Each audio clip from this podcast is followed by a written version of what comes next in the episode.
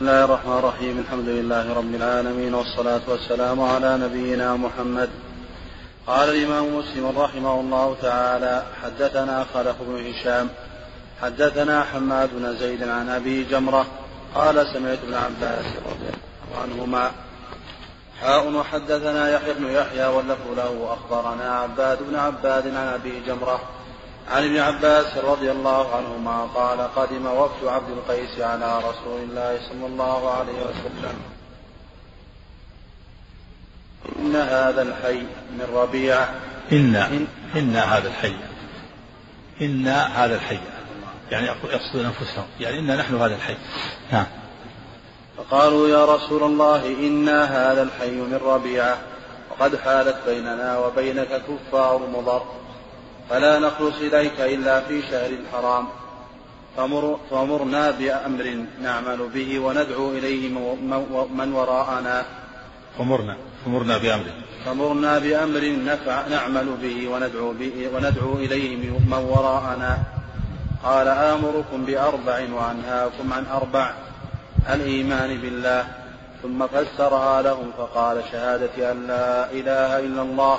وأن محمدا رسول الله وإقام الصلاة وإيتاء الزكاة وأن تؤدوا خمس ما غنمتم وأنهاكم عن الدباء والحنتم والنقير والمقير زاد خلف في روايته شهادة أن لا إله إلا الله وعقد واحدة. بسم الله الرحمن الرحيم. الحمد لله رب العالمين والصلاة والسلام على محمد وعلى آله وصحبه أجمعين. أما بعد فهذا الحديث يعرف بحديث وفد عبد القيس. وعبد عبد القيس ممن قدم إسلامهم. وهم يسكنون في البحرين. جواتا في جواتا في الأحساء الآن. مكانهم معروف. من مسجد هناك مسجد أثري مهجور. يقال له مسجد جواتا. وكانوا ممن تقدم إسلامهم. يقال لهم بلادهم بلاد الخط بلاد البحرين. ومسجد جواتا هو ثاني جمعة جمع به بعد مسجد النبي صلى الله عليه وسلم. فهم ممن تقدم إسلامهم. فجاءوا إلى النبي صلى الله عليه وسلم وقالوا يا رسول الله إن هذا الحي من ربيعة. يعني نحن هذا الحي من ربيعة. قد حال بيننا وبين وبينك كفار مضر ولا نستطيع أن نخلص إليك إلا في شهر حرام.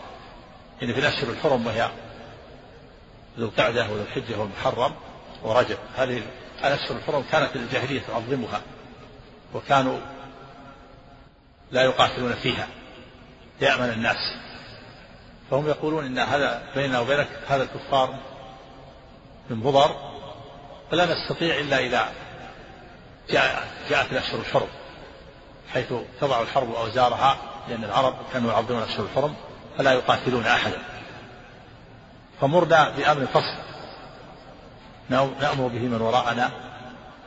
وفي لفظ مرنا بأمر ندخل به الجنة. لله درهم رضي الله عنهم حيث سألوا هذا السؤال العظيم. فمرنا بأمر فصل. نأمر به وندعو به من وراءنا. نأتمر به ونأمر به من فقال عليه الصلاة والسلام أمركم بأربع وأنهاكم عن أربع. آمركم بالإيمان بالله وحده. أتدرون ما الإيمان بالله وحده؟ شهادة أن لا إله إلا الله وأن محمد رسول الله وإقام الصلاة وإيتاء الزكاة وأن وأن تؤدوا خمس ما غنمتم وفي لفظ زيادة صوم رمضان. فهذا الحديث من أدلة أهل السنة والجماعة على أن الأعمال داخلة في مسمى الإيمان. فيه الرد على المرجئة حيث أنه فسر الإيمان بالأعمال. قال أتدرون ما الإيمان بالله وحده؟ ثم فسر الإيمان بالشهادتين شهادة أن لا إله إلا الله وأن محمد رسول الله وإقام الصلاة وإيتاء الزكاة وأداء الخمس. ففسر الإيمان بالأعمال. والمرجئة يرون أن الأعمال لا تدخل في مسمى الإيمان. لا مرجئة الفقهاء المرجئة ثلاث طوائف لهم معروف. الطائفة الأولى المرجئة المحضة الغلاة مرجئة الجهمية وتزعمهم الجهم بن صفان يرون أن الإيمان هو مجرد المعرفة في القلب. والكفر فالإيمان معرفة الرب بالقلب والكفر هو جهل الرب بالقلب. وهذا أفسد قول قيل في مسمى الإيمان. ألزمهم العلماء بأن بأنه لا لا يوجد كافر على هذا. يكون إبليس مؤمن وفرعون مؤمن واليهود مؤمنون وأبو طالب مؤمن وكفار قريش مؤمنون وكلهم عرفوا ربهم بقلوبهم. فلا يوجد أحد كافر على مذهب الجهم إلا من لم يعرف ربه. هذا نادر. هذا من افسد ما قيل. والطائفه الثانية من المرجئة الكرامية الذين يقولون الإيمان مجرد القول باللسان والنطق باللسان. يقول من نطق بالشهادة فهو مؤمن ولو كان مكذبا بقلبه. قالوا هو نسميه مؤمن. رحمك الله. إذا نطق بالشهادتين نسميه مؤمن وإذا كان مكذبا في قلبه فهو مخلد في النار. فجمعوا بين المتناقضين قالوا من نطق بالشهادتين من المنافقين فهو مؤمن. كامل الإيمان وهو مخلد في النار. هذا من أفسد ما قيل أيضا. يلزمهم على هذا أن المؤمن كامل الإيمان يخلد في النار. نعوذ بالله. والطائفة الثالثة مرجئة الفقهاء. وهم أهل الكوفة. هم الإمام أبو حنيفة وأصحابه. أول من قال بإرجاع حماد بن أبي سليمان الشيخ الإمام أبي حنيفة. قالوا إن الأعمال الإيمان شيئان. إقرار باللسان وتصديق بالقلب. هذا هو المشهور عن الإمام أبي حنيفة وعليها جمهور أصحابه والرواية الثانية عن الإمام الإيمان شيء واحد وهو تصديق القلب. والإقرار باللسان أمر زائد. مطلوب لكنه ليس من الإيمان. والأعمال مطلوبة لكن ليست من الإيمان. أما المرجئة المحضة يقول الأعمال ليست مطلوبة. هؤلاء طائفة من أهل السنة إلا أنهم خالفوا خالفوا النصوص. فهذا الحديث فيه رد على جميع الطوائف جميع المرجئة في أصنافهم الثلاثة حيث أن النبي صلى الله عليه وسلم فسر الإيمان بالأعمال. قال أتدرون ما الإيمان بالله وحده؟ شهادة أن لا إله إلا الله وأن محمد رسول الله وإقام الصلاة وإيتاء الزكاة وأن تؤدوا خمس ما فسر بهذه الأشياء الأربعة. وفي لفظ زيادة صيام رمضان. ومن الأدلة أيضا من الأدلة من الكتاب العزيز قوله تعالى إنما المؤمنون الذين إذا ذكر الله وجلت قلوبهم. وإذا تليت عليهم آياته زادتهم إيمانا وعلى ربهم يتوكلون. الذين يقيمون الصلاة ومما رزقناهم ينفقون أولئك هم المؤمنون حقا هم مؤمنون بهذه الأعمال. وجل القلب عند ذكر الله وتلاوة, وتلاوة وزيادة الإيمان عند تلاوة القرآن والتوكل على الله وإقام الصلاة وإيتاء الزكاة كلها إيمان. ومن الأدلة أيضا الحديث الصحيح. صحيح أن النبي صلى الله عليه وسلم قال الإيمان بضع وسبعون شعبة وفي لفظ ستون شعبة فأعلاها قول لا إله إلا الله. وأدناها إمارة الأذى عن الطريق والحياء شعبة من الإيمان. فجعل هذه الشعب كلها من الإيمان. هذا هذا الأدلة واضحة في الرد على المرجئة.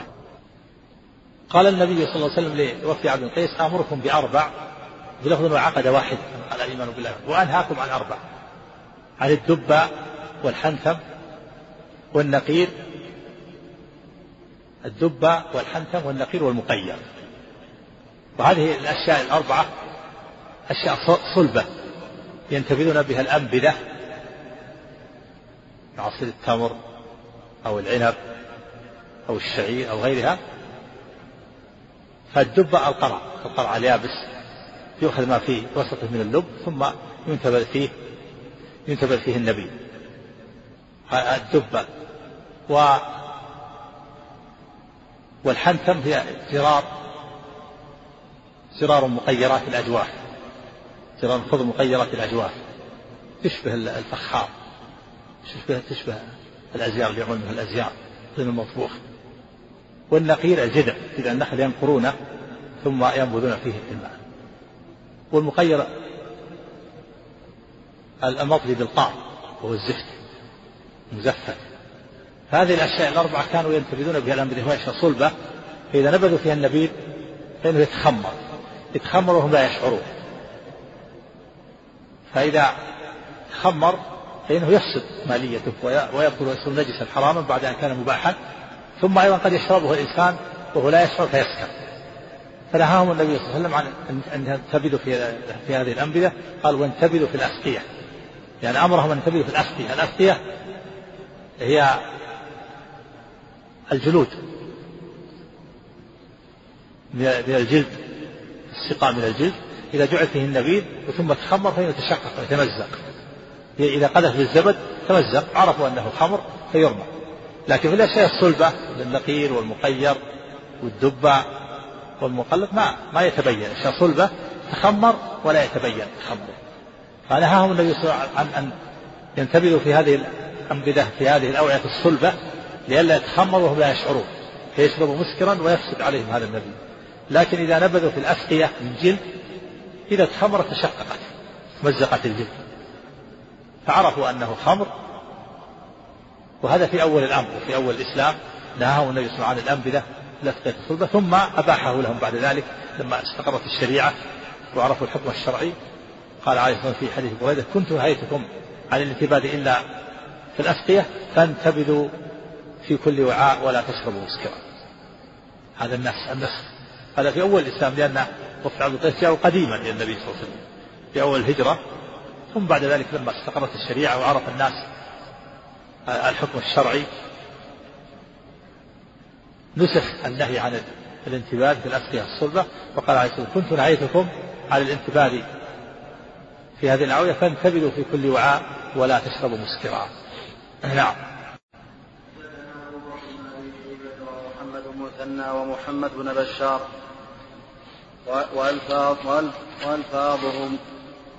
وألفاظهم متقاربة. قال أبو بكر حدثنا غندر عن شعبة وقال الآخران حدثنا محمد بن جعفر حدثنا شعبة عن أبي جمرة قال كنت كنت أترجم بين يدي ابن عباس وبين الناس. عن أبي عن أبي جمرة. عن أبي جمرة قال كنت أترجم بين يدي ابن عباس رضي الله عنهما وبين الناس. أبو جمرة هذا من تلاميذ ابن عباس. يترجم يعني يبلغ. المترجم هو الذي ينقل الكلام من شخص إلى شخص. يقال له مترجم. ينقل كلام من لغة إلى لغة يسمى مترجم. ولكن هنا لا لا ينقله من لغة إلى لغة وإنما يبلغ. المراد هنا المبلغ. لأن ابن عباس رضي الله عنهما له تلاميذ كثيرون. وكان الناس ليس عندهم كان محدثون في الزمان الأول ما عندهم مكبرات صوت. وكان التلاميذ كثيرون يبلغون الألوف.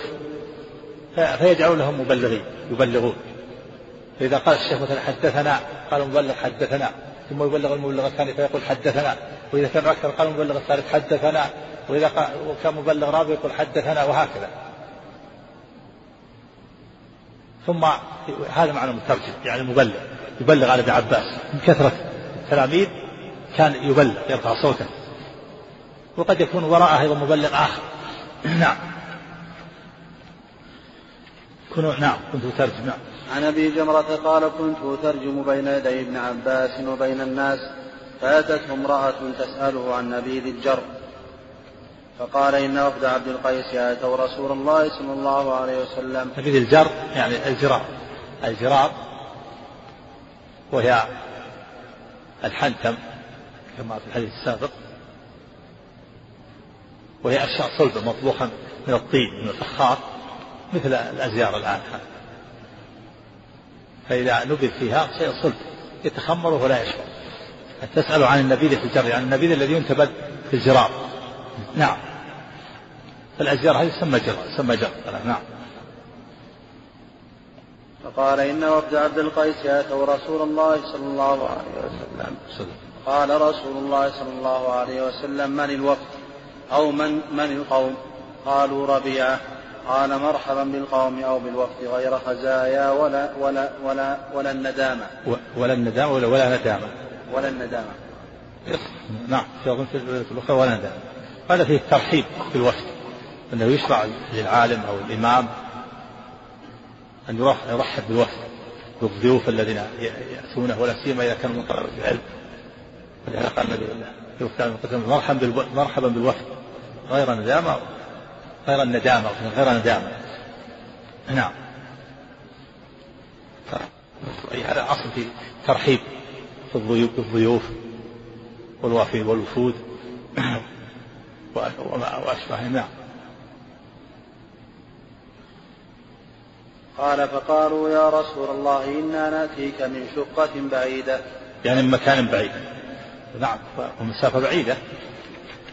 من الأحساء. إلى المدينة مسافة بعيدة ولا سيما في ذلك الوقت المواصلات يعني ليست كالمواصلات في عصرنا الحاضر. كانت تحتاج إلى مدة طويلة يكون على على الإبل.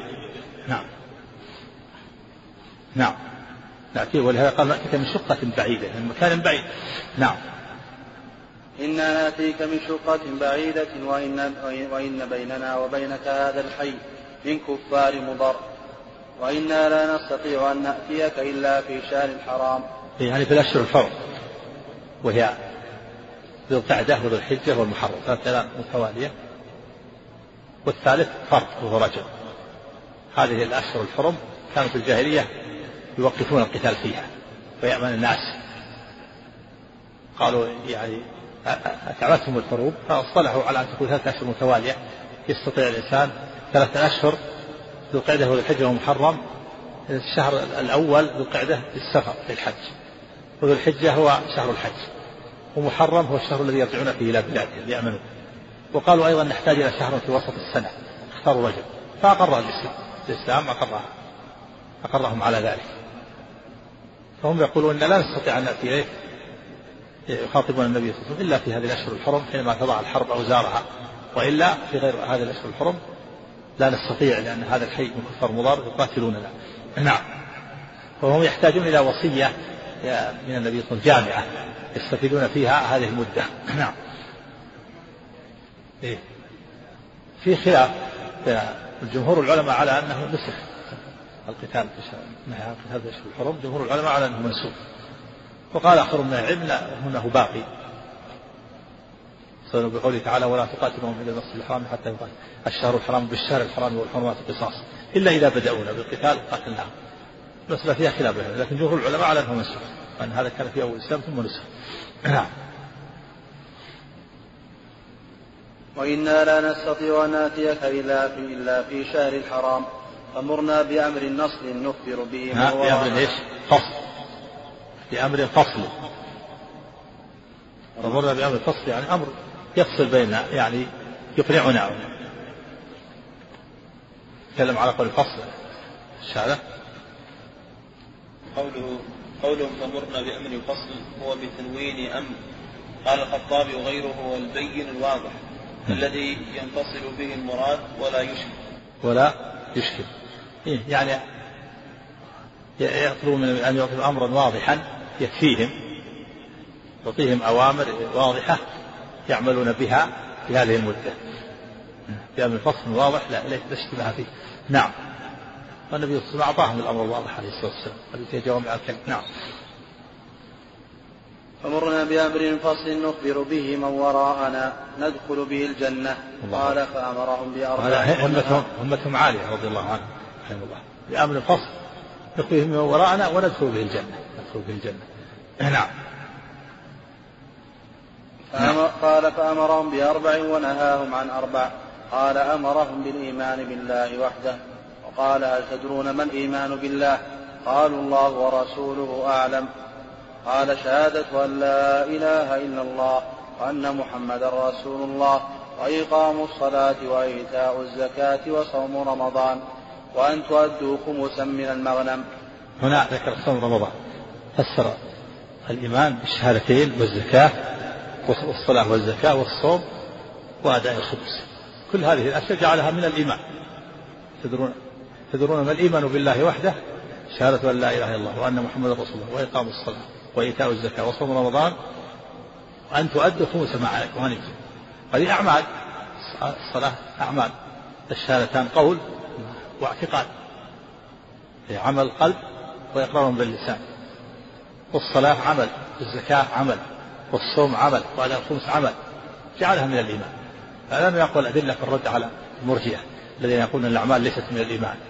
نعم. ونهاهم عن الدباء والحنتم والمزفة والمزفة.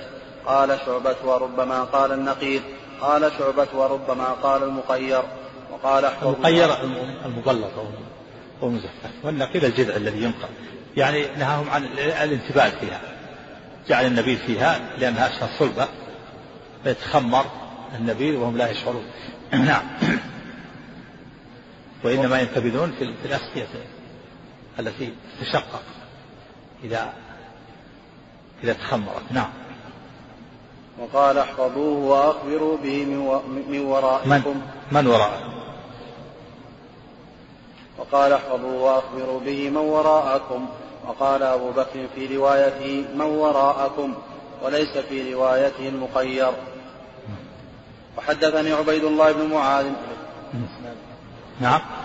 علق على الاسناد قول مسلم رحمه الله. حدثنا أبو بكر بن أبي شيبة ومحمد بن مثنى ومحمد بن بشار وألفاظهم متقاربة. قال أبو بكر حدثنا غندر عن شعبة وقال الآخران حدثنا محمد بن جعفر حدثنا شعبة. قال الشارح قال قوله قال أبو بكر حدثنا غندر عن شعبة وقال الآخران حدثنا محمد بن جعفر قال حدثنا شعبة هذا من احتياط مسلم رضي الله عنه فإن غندر هو محمد بن جعفر ولكن أبو بكر ذكره بلقبه والآخران باسمه ونسبه وقال أبو بكر عنه عن شعبة وقال الآخران عنه حدثنا شعبة فحصلت مخالفة بينهما وبينه من وجهين فلهذا نبه عليه مسلم رحمه الله تعالى. نعم لو لو قال حدثنا غندر في اللفظ الأول حدثنا محمد بن جعفر. محمد بن جعفر هو غندر لقبه غندر غندر لقب محمد بن جعفر. الثاني قال بالعنعنه مسلم الأول قال حدثنا. نعم. عنك. القرطبي في المفهم يقول وقوله وأنهاكم عن أربع أي عن الانتباه في هذه الأوائن أربع. فالمنهي عنه واحد بالنوع وهو الانتباه. ثم إنه تعدد بحسب هذه الأوعية الأربعة التي هي الدباء والحنتم والمزفة والنقير وخص هذه بالنهي لأنها أوانيهم التي كانوا ينتبذون فيها. ثم تكلم عنها. بس. لا خصها بالنهي لأنها أشياء صلبة. أشياء صلبة يتخمر فيها النبيذ وهم لا يشعرون. نعم وهم ينتبهون فيها وفي غيرها نعم. وحدثنا سيأتي هم كما سيأتي أنهم اعتذروا عن الانتباه في الأسقية وقالوا أنها أرضنا تأكلها الجرذان كثيرة الجرذان تأكلها فقال النبي وإن أكلتها الجرذان وإن أكلتها الجرذان كما سيأتي. نعم. من من وراءكم من قال عنك وأخبروا به من ورائكم. وقال أبو بكر في روايته من وراءكم وليس في رواية المقير. وحدثني عبيد الله بن معاذ. فأخبروا به من ورائكم فأخبروا به الذي وراءكم. يحتمل أن يخبروا به من ورائكم يعني من أمامكم لكن من أوضح؟ نعم. نعم. وحدثني عبيد الله بن معاذ حدثنا أبي حاء وحدثنا نصر وحدثنا نصر بن علي الجهضمي. قال أخبرني أبي قال جميعا حدثنا قرة بن خالد عن أبي جمرة عن ابن عباس رضي الله عنهما عن النبي صلى الله عليه وسلم بهذا الحديث نحو حديث شعبة. وقال أنهاكم عما ينبذ في الدباء والنقير والحنتم والمزفت.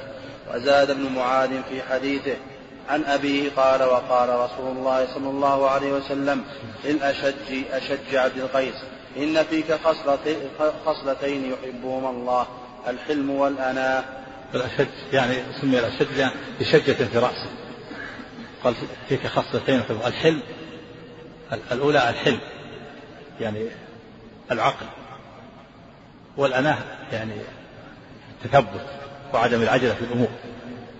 قال إن فيك خصلتين يحبهما الله. في لفظ إنه قال يا رسول الله أهما خلقان. خلقت بهما أم جبل الله عليهم فقال بل جبلك الله عليهم قال الحمد لله الذي جبلني على ما يحبه الله ورسوله أو كما جاء في الحديث. نعم.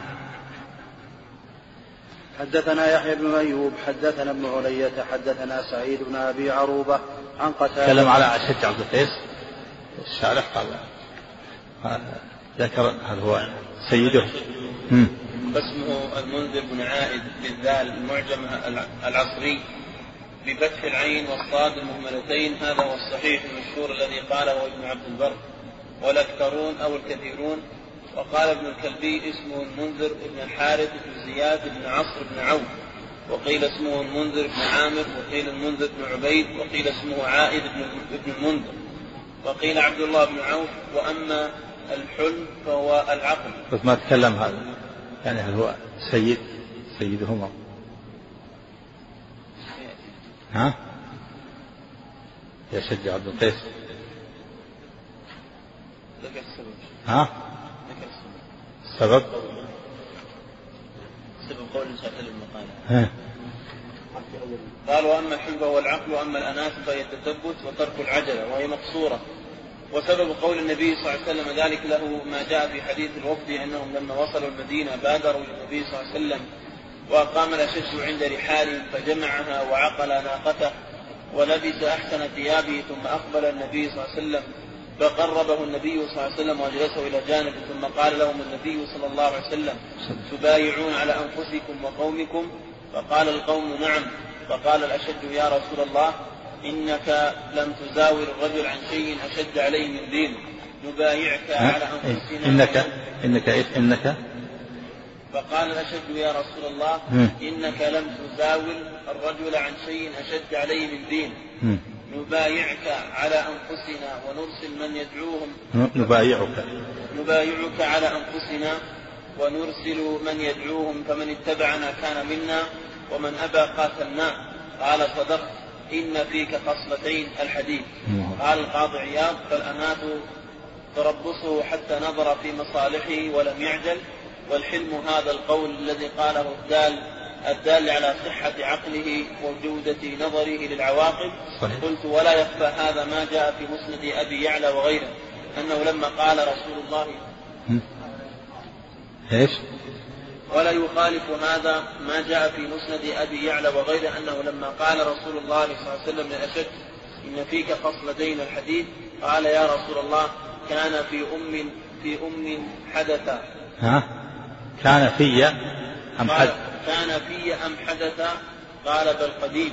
قال قلت الحمد لله الذي جبلني على خلقين يحبهما الله. رحمه الله كلام لا شك إن هذا يدل على كبر عقله. وحلمه يعني نقول هذا يعني أهم شيء يبايع عليه الإنسان هو الدين. نحن بايعناك على الدين. فمن تبعنا فالحمد لله. ومن لم يتبعنا قاتلناه. نعم. نعم. قال صاحب قال قوله قدم وفد عبد القيس على رسول الله صلى الله عليه وسلم. قال صاحب التحرير الوفد الجماعة المختارة من القوم ليتقدموهم من لقي من لقي العظماء والمصير إليه في المهمات. واحد قال ووفد عبد القيس هؤلاء. تقدموا قبائل عبد القيس المهاجرة إلى رسول الله صلى الله عليه وسلم.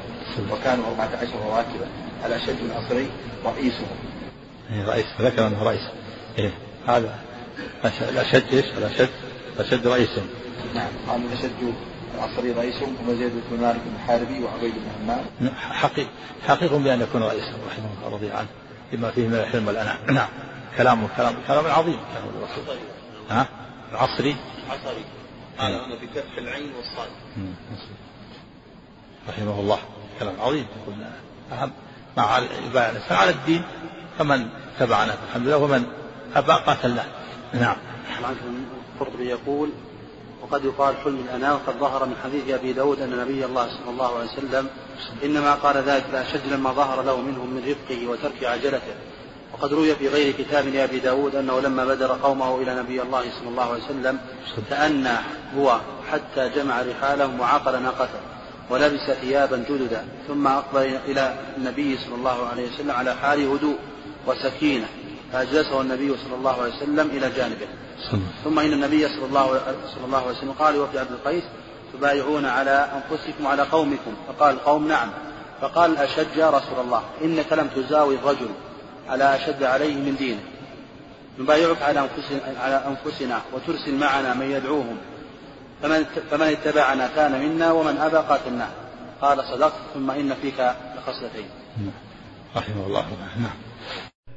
حدثنا يحيى بن أيوب قال حدثنا ابن علية حد قال حدثنا سعيد بن أبي عروبة عن قتادة قال حدثنا من لقي الوفد الذي قدموا على رسول الله صلى الله عليه وسلم. من عبد القيس قال سعيد وذكر قتادة أبا نضرة عن أبي سعيد الخدري رضي الله عنه في حديث هذا أن أنس أن أناسا من عبد القيس قدموا على رسول الله صلى الله عليه وسلم. فقالوا يا نبي الله إنا حي من ربيعة وبيننا وبينك كفار مضر ولا نقدر عليك إلا في أشهر الحرم. فمرنا بأمر نأمر به من وراءنا وندخل به الجنة وندخل به الجنة إذا نحن أخذنا به. فقال صلى الله فقال رسول الله صلى الله عليه وسلم آمركم بأربع وأنهاكم عن أربع. اعبدوا الله ولا تشركوا به شيئا وأقيموا الصلاة وآتوا الزكاة وصوموا رمضان وأعطوا الخمس من الغنائم وأنهاكم عن أربع عن الدباء والحنتم والمزفة والنقير. قالوا يا نبي الله ما هذا فيه قل هنا اعبدوا الله ولا تشركوا به شيئا وفي الحديث الآخر قال أمركم بالإيمان بالله وحده ثم فسره. هذا مجموع الحديثين يدل على أن الإيمان هو توحيد الله. وعبادته وحده لا شريك له. لأن الحديث الأول قال أمركم بالإيمان ثم فسر الإيمان بالشهادتين وإقام الصلاة وإيتاء الزكاة وأداء الخمس. وهنا قال أمركم ب... اعبدوا الله ولا تشركوا به شيئا. والحديث يفسر بعضها بعضا. فدل على أن الإيمان هو عبادة الله وحده ولا شريك له. وعبادة الله هنا في الشرك عنه. وهذا هو المراد من الشهادتين ليس المراد النطق فقط. المراد المعنى. المعنى هو الالتزام. معنى التوحيد. معنى وحد الله. اعبد الله ولا تشركوا شيئا. هو معنى شهادة أن لا إله إلا الله وأن محمد رسول الله. وهو معنى الإيمان بالله. فالإيمان بالله وحده والشهادتان هي المراد بهما عبادة الله ونفي الشرك عنه. عبادة الله بإخلاص العبادة له ونفي الشرك عنه.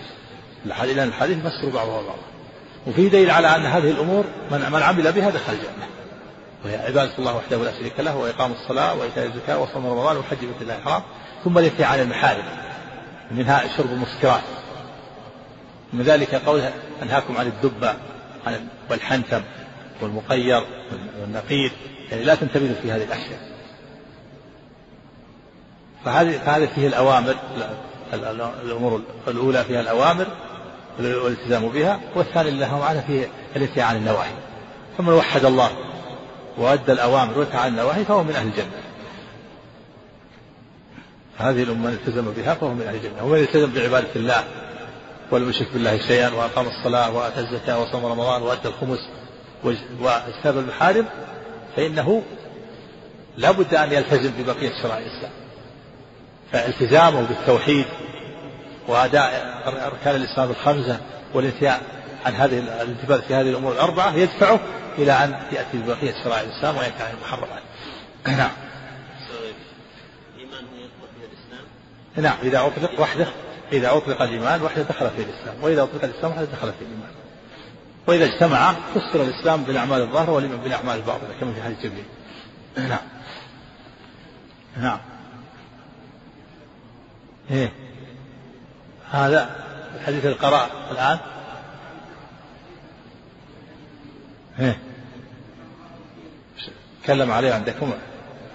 انفرد الإمام مسلم. يعني انفرد به الإمام مسلم عن قتادة يعني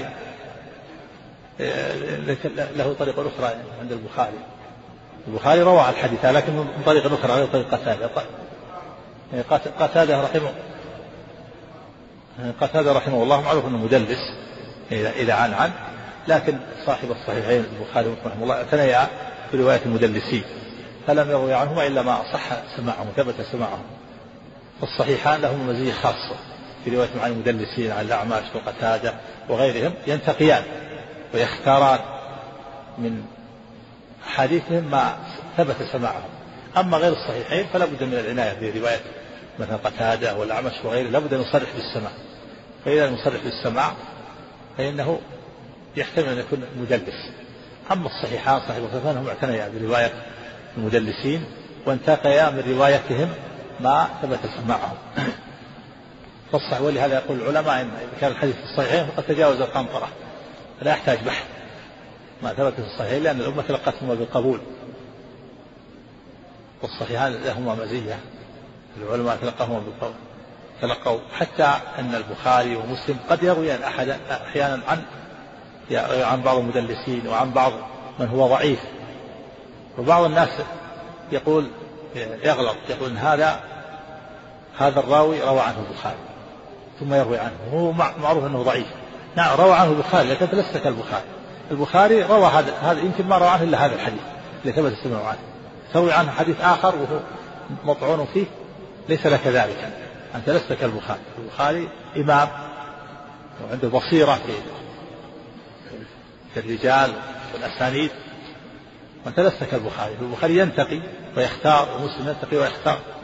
أما أنت فلا فليس لك أن تروي عنه. ولا تصحح الحديث إلا عن بصيرة. نعم. ها؟ صرح. ب... إيه هذا صرح بالتهديد لا بس ذكر يعني هذا الطريق الطريقة الطريقة هذا انفرد به مسلم. والبخاري رواه بطريق آخر. نعم. ما أشار إلى هذا أن رواه من طريق آخر. ها؟ نعم. إيه إيه. يعني الرواية الأخرى اشترك فيها الشيخان وهذه رواية انفرد بها مسلم. نعم إيه نعم إيه معروف قال هذا. على حال طيب أقول ما يضر هذا. الانفراد ما يضر. نعم. هذا سابق هذا سابق في الجاهلية. الأسماء ينتسبون إلى إلى أسماء جاهلية أموات ما تغير الأسماء. مثل بن عبد مناف عبد المطلب اللي كانت في الجاهلية ما تغير. الأموات ما ما تغير أسماءهم خلاف الأحياء. لأنه ثبتت الأسماء وانتسبوا إليهم ولهذا النبي صلى الله عليه وسلم انتسب إلى جده عبد المطلب. قال ذكر الإمام الشافعي في كتاب التوحيد قال نقل عن ابن حزم اتفقوا على تحريم كل اسم معبد لغير الله حاشا عبد المطلب. قال بعضهم لأن عبد المطلب هو جد النبي صلى الله عليه وسلم سمي عبد المطلب لأن أباه عمه المطلب أردفه جاء من أخباره في المدينة وقد غيرت الشمس. فظن الناس أنه عبد فقال عبد المطلب. وهو من أجل التعبيد. وهو من أجل التعبيد لغير الله. فسمي عبد المطلب. حتى إنه كثير من الناس لا يعرف اسمه اسمه شيبة الحمد نعم. قالوا يا نبي الله ما علمك بالنقير؟ قال بلى جذع تنقرونه فتقذفون فيه من القطيعاء القطيعاء نوع من التمر نوع من التمر صغار. ينقرون الجذع إلى النخل ويجعلون فيه القطيعاء تمر آه، يصبون عليه الماء ويصير عصير. يسمى في لهجتنا مريس في اللهجة العامية. المريس هو عصير. التمر إذا وضع فيه الماء يشرب يكون ماء حالي هو نوع من الشراب أو العنب. هم يضعون فيه القطيعة نوع من التمر وفي الجذع يكون جذع كبير. جذع النخلة كبير ينقرونه ويصبوا يجعلون فيه نوع من التمر القطيعة ويصبون فيها الماء ويكون شراب يكون عصير يسميه مريس يسميه الناس عنه نوع من الشراب. فإذا كان في شدة الحر مضى عليه يومين أو ثلاثة يتخمر يكون خمر. فربما شربوه وهم لا يدرون. فقال النبي صلى الله عليه وسلم لا تنتبهوا في هذا الوعاء الصلب انتبهوا في سقاء جلد حتى إذا تخمر تشقق. نعم. قال سعيد أو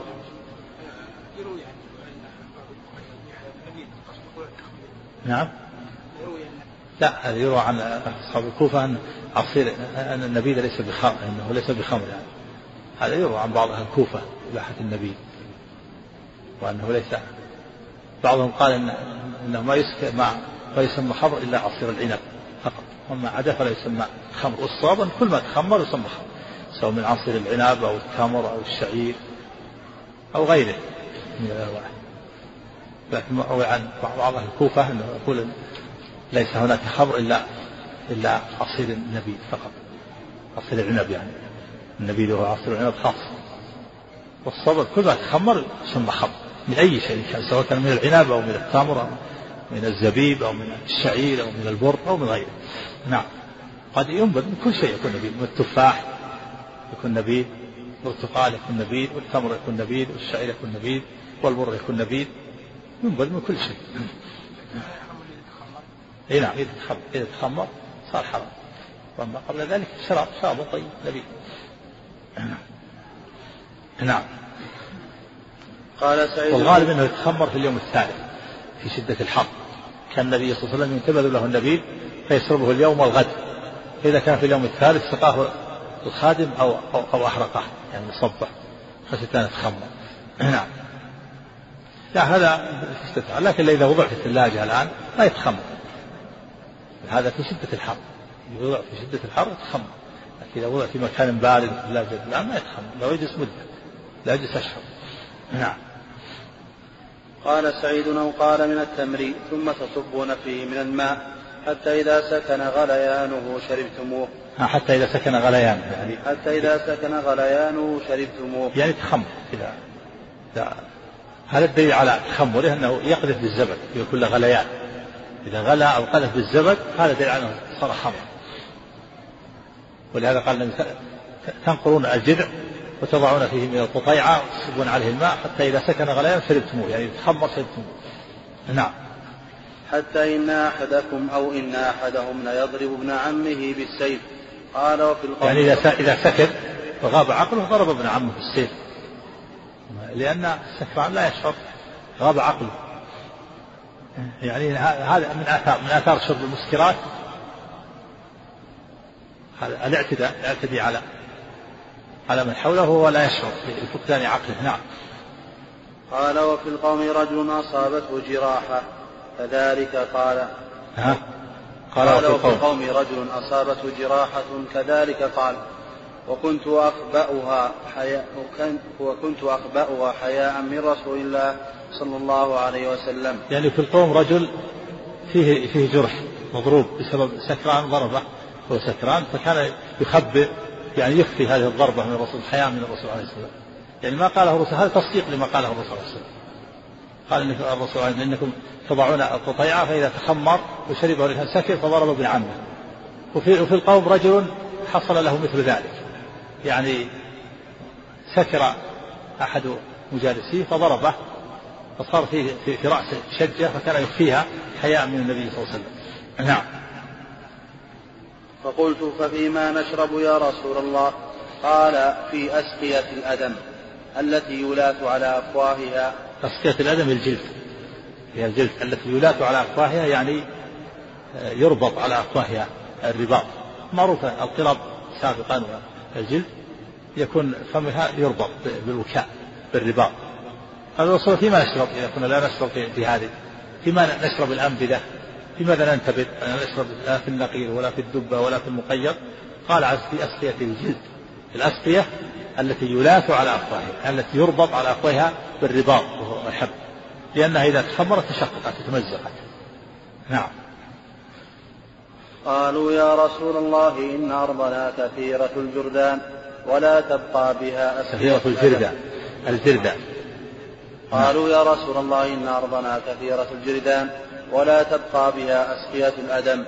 فقال نبي الله صلى الله عليه وسلم وإن أكلتها الجردان وإن أكلتها الجردان وإن أكلتها الجردان. يعني معنى أنهم يقول يا رسول الله أسقية الأدم ما تبقى لنا لأن الأرض كثيرة. الجردان الجردان جمع جرد جرد والجرد هو الفأرة الكبيرة.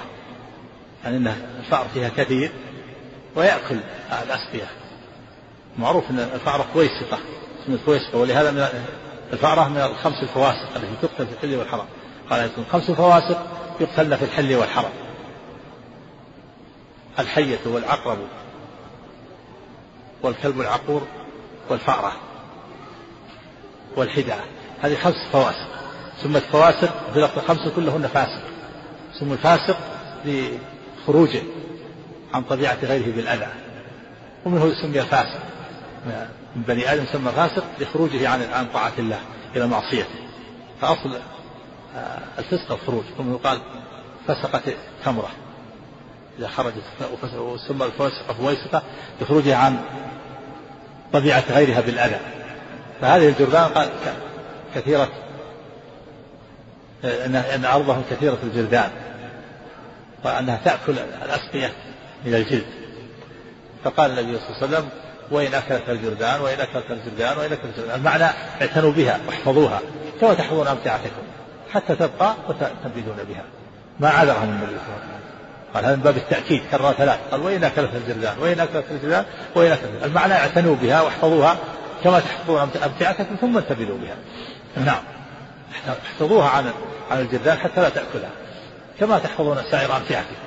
نعم.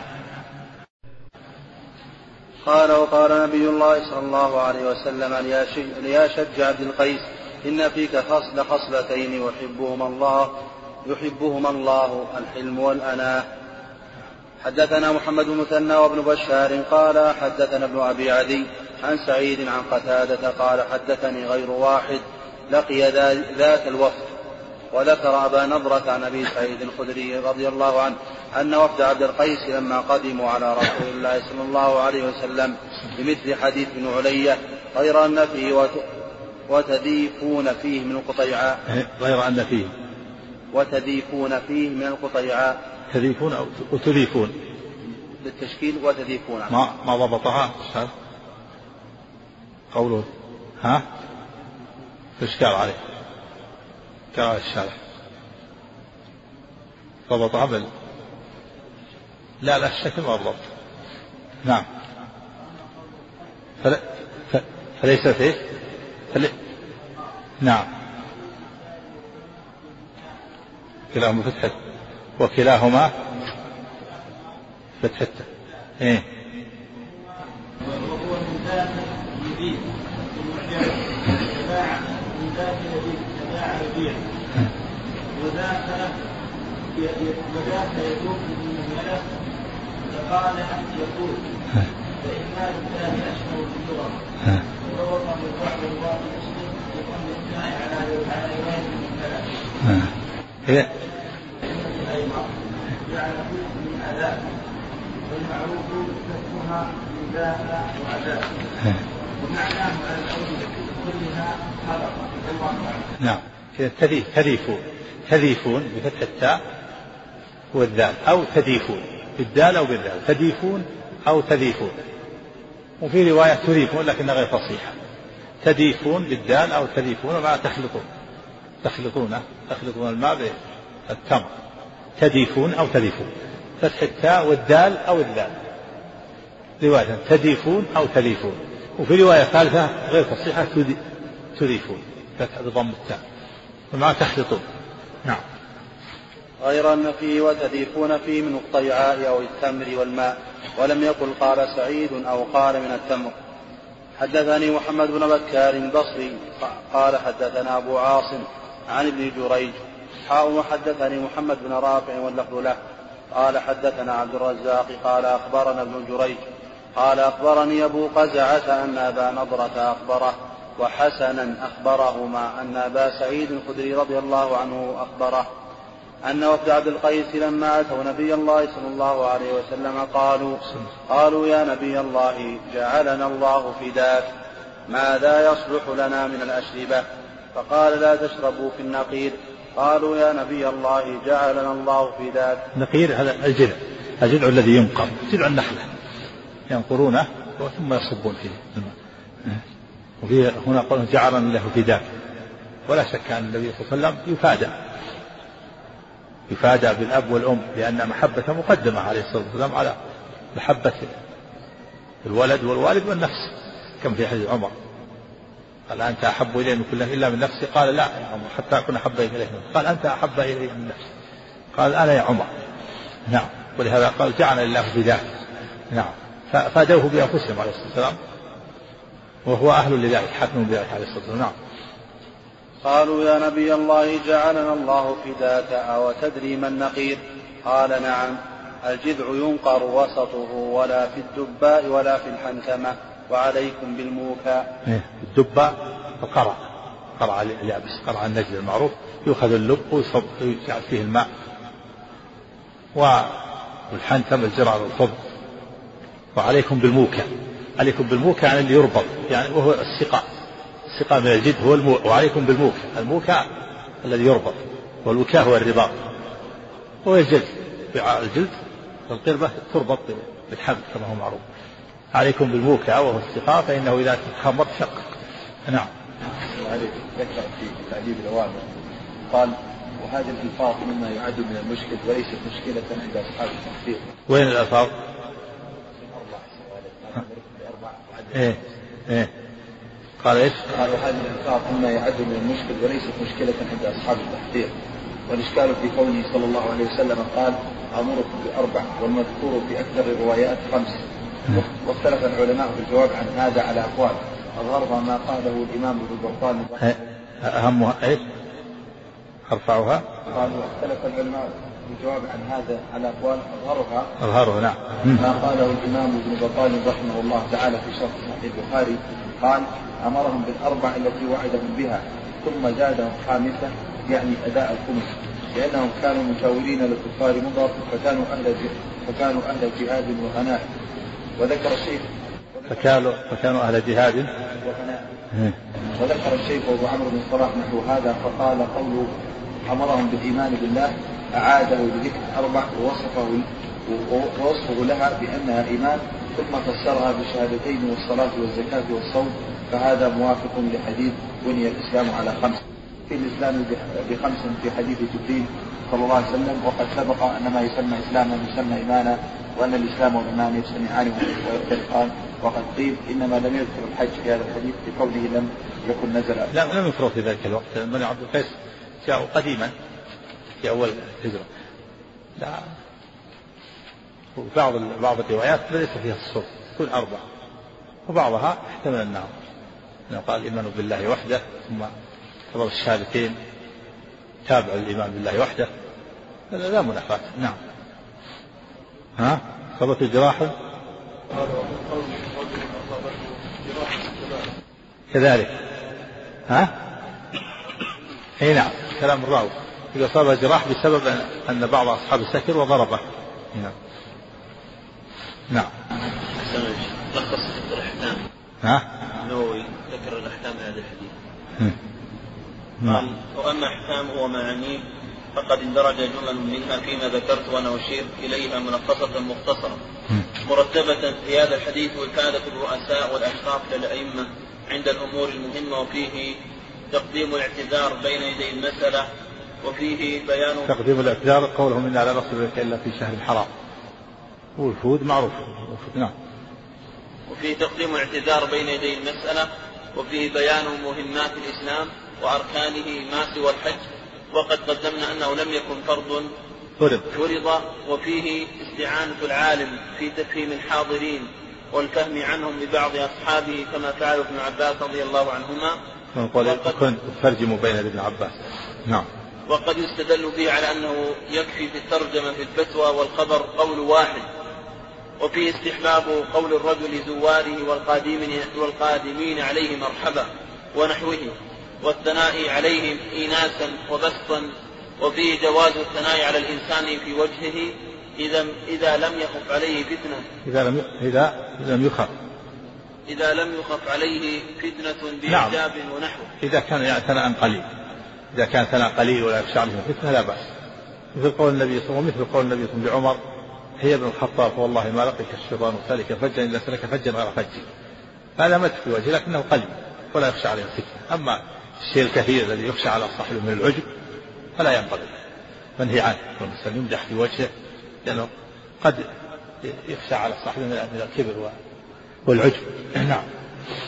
وأما استحبابه وهذا هو جنب بينه وبين إذا رأيتم المدحين تحصل في وجوههم التراب هذا محمول على إذا كان مدحا كثيرا ويخشى على صاحب الفتنة.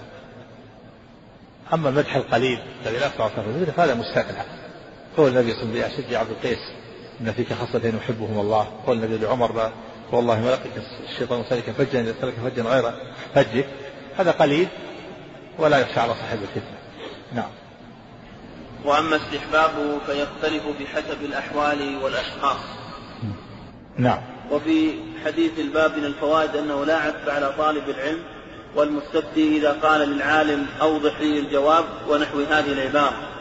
وفيه أنه لا بأس بقول رمضان من غير ذكر الشهر. وفيه جواز مراجعة العالم على سبيل الاسترشاد والاعتذار ليتلطف له في جواب لا يشق عليه. وفيه تأكيد الكلام وتفخيمه ليعظم وقعه في النفس وفيه جواز قول الإنسان لمسلم جعلني الله في ذاك فهذه أطراف مما يتعلق بهذا الحديث. هذا وجعلني الله في ذاك كيف؟ يعني إذا فدى بنفسه لا بأس لكن إذا فدى بوالديه هذا في كلام. أفديك بأبي وأمي الرسول يفادى بالأبوين أما غيره هذا يحتاج إلى إذا كان أبوه مسلما لا ينبغي أن يفدي غيره. نعم. حدثنا أبو بكر بن أبي شيبة وأبو كريب وإسحاق بن إبراهيم جميعا عن وكيع قال أبو بكر حدثنا وكيع عن زكريا بن إسحاق قال حدثني يحيى بن عبد الله بن صيفي عن أبي معبد عن ابن عباس رضي الله عنهما عن معاذ بن جبل رضي الله عنه قال أبو بكر ربما قال وكيع عن ابن عباس رضي الله عنهما أن معاذا رضي الله عنه قال بعثني رسول الله صلى الله عليه وسلم قال إنك تأتي قوما من أهل الكتاب فادعوهم إلى شهادة أن لا إله إلا الله وأني رسول الله فإنهم أطاعوك لذلك فأعلمهم أن الله افترض عليهم أن الله افترض عليهم خمس صلوات في كل يوم وليلة فإنهم, فإنهم أطاعوك لذلك فأعلمهم أن الله افترض عليهم. فإنهم أطاعوا لذلك فأعلمهم أن الله افترض عليهم صدقة تؤخذ من أغنيائهم فترد في فقرائهم. فإنهم أطاعوا لذلك فإياك وكرائم أموالهم واتق دعوة المظلوم فإنه ليس بينها وبين الله حجاب. وهذا الحديث فيه بيان أنه لا بد من الدعوة قبل القتال وأن الكفار لا يقاتلون حتى يدعوا أولا إلى الإسلام. فإذا بلغتهم الدعوة ولم يقبلوا فإنهم يقاتلون. ولهذا لما بعث النبي إلى اليمن قال لهم إنك تأتي قوم أهل الكتاب فليكن أول ما تدعوه شهادة أن لا إله إلا الله. وفيه أنه لا يبدأ قبل الشهادتين بشيء أما التوحيد أول شيء يبدأ به. وفيه دليل على أن التوحيد هو أول واجب. وفيه الرد على أهل الكلام الذي يقول أول واجب النظر أو قصد النظر أو الشك كما يقول أهل الكلام. أهل الكلام يقولون أول ما يجب على الإنسان بعضهم الشك تشك فيما حولك ثم تتقبل الشك إلى اليقين أو النظر والتأمل. هذا باطل. أول واجب على الإنسان توحيد الله. ولهذا قال النبي صلى الله عليه وسلم لمعاذ فليكن أول ما تدعو به شهادة لا إله إلا الله. المراد التوحيد. وفي لفظ إلى أن يوحدوا الله وفي لفظ إلى أن يعبدوا الله. أول واجب هو التوحيد. ليس النظر ولا القصد إلى النظر. والرسل الذين أرسلهم الله أولهم نوح وآخرهم وخاتم النبي صلى الله عليه وسلم كلهم دعوا قومهم إلى التوحيد أولا. قال الله تعالى لقد أرسلنا نوحا إلى قومه فقال يا قوم اعبدوا الله ما لكم إله غيره دعاهم إلى التوحيد. ولم يدعهم إلى الشك ولا إلى النظر. وإلى عاد أخاهم هودا قال يا قوم اعبدوا الله ما لكم من وإلى ثمود أخاهم صالحا قال يا قوم اعبدوا الله ما لكم إله وإلى مدن أخاهم شعيبا قال يا قوم اعبدوا الله ما لكم إله قال سبحانه ولقد بعثنا في كل أمة رسولا أن يعبدوا الله واجتنبوا الطاغوت. قال سبحانه وما أرسلنا من قبلك من رسول إلا نوحي إليه أنه لا إله إلا أنا فاعبدوا والنبي صلى الله عليه وسلم مكث في مكة 13 سنة يدعو قومه إلى التوحيد. ما دعاهم إلى الشك ولا إلى النظر إلى هذه كلها أقوال باطلة. الكلام له ثلاثة أقوال في هذا. تجدون في كتب في كتبهم. بعضهم يقول الواجب الشك. أول واجب الشك. يشك ثم ينتقل الشك إلى بعضهم يقول أول واجب النظر. وبعضهم يقول أول واجب القصد من النظر. كل هذه أقوال باطلة. وفيه أنه ينبغي الإنسان أن يعرف حال المدعوين. ولهذا أخبر النبي صلى الله عليه وسلم معاذ قال إنك ستأتي قوما أهل كتاب يعني أهل, أهل علم. ليس جهالا يعني فاستعد لمناظرتهم إنك إنك ستأتي قوما أهل كتاب. فليكن أول ما تدعوهم إليه شهادة أن لا إله إلا الله. وفي دليل على أن داعيه يبدأ بالأهم فالأهم. يبدأ بالتوحيد. وفيها أن الصلاة أعظم الواجبات بعد توحيد الله عز وجل. ثم تليها الزكاة. فالصلاة والزكاة أختان فالصلاة فيها إحسان إلى عبادة الخالق. والزكاة فيها إحسان إلى المخلوق. يكون الإنسان يجمع بين الإحسانين الإحسان في عبادة الله والإحسان إلى خلق الله.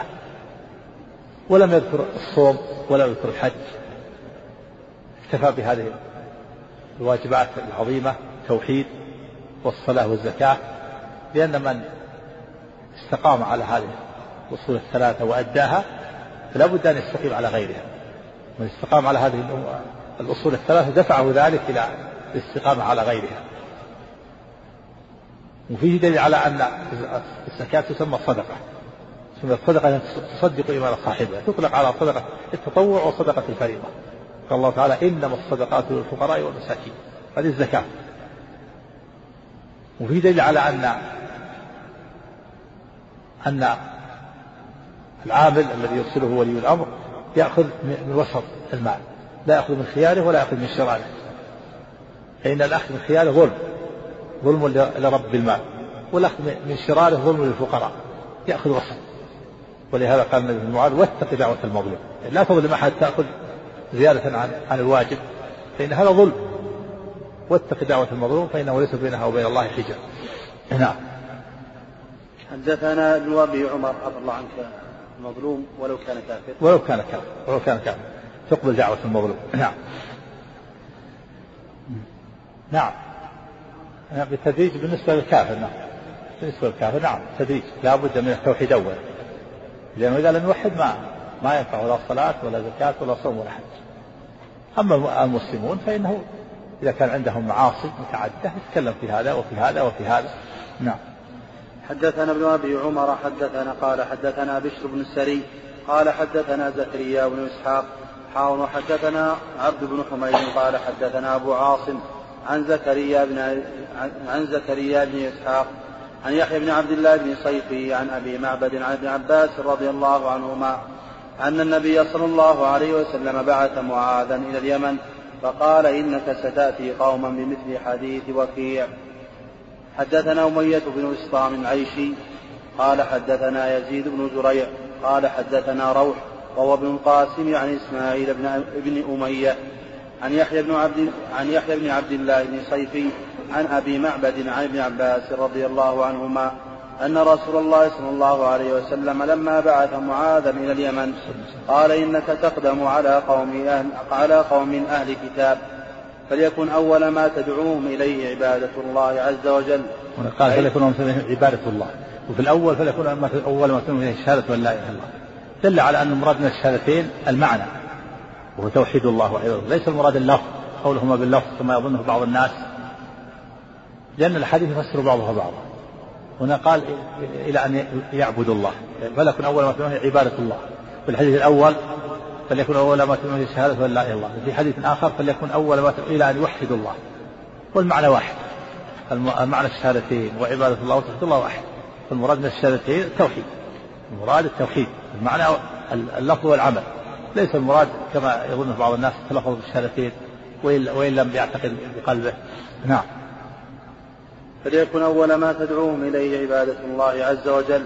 فإذا هم عرفوا الله فأخبرهم أن الله فرض عليهم خمس صلوات. فرض عليهم خمس صلوات في يومهم وليلتهم.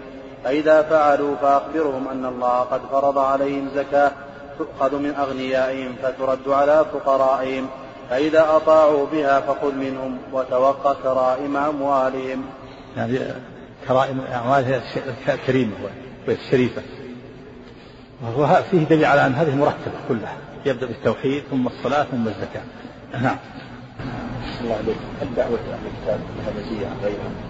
دعوة غيرهم نعم لأنهم علماء لأنهم أهل علم بخلاف الوثنيين ما عندهم علم يعني يستعد بجدالهم ومناقشتهم تهيأ لهم.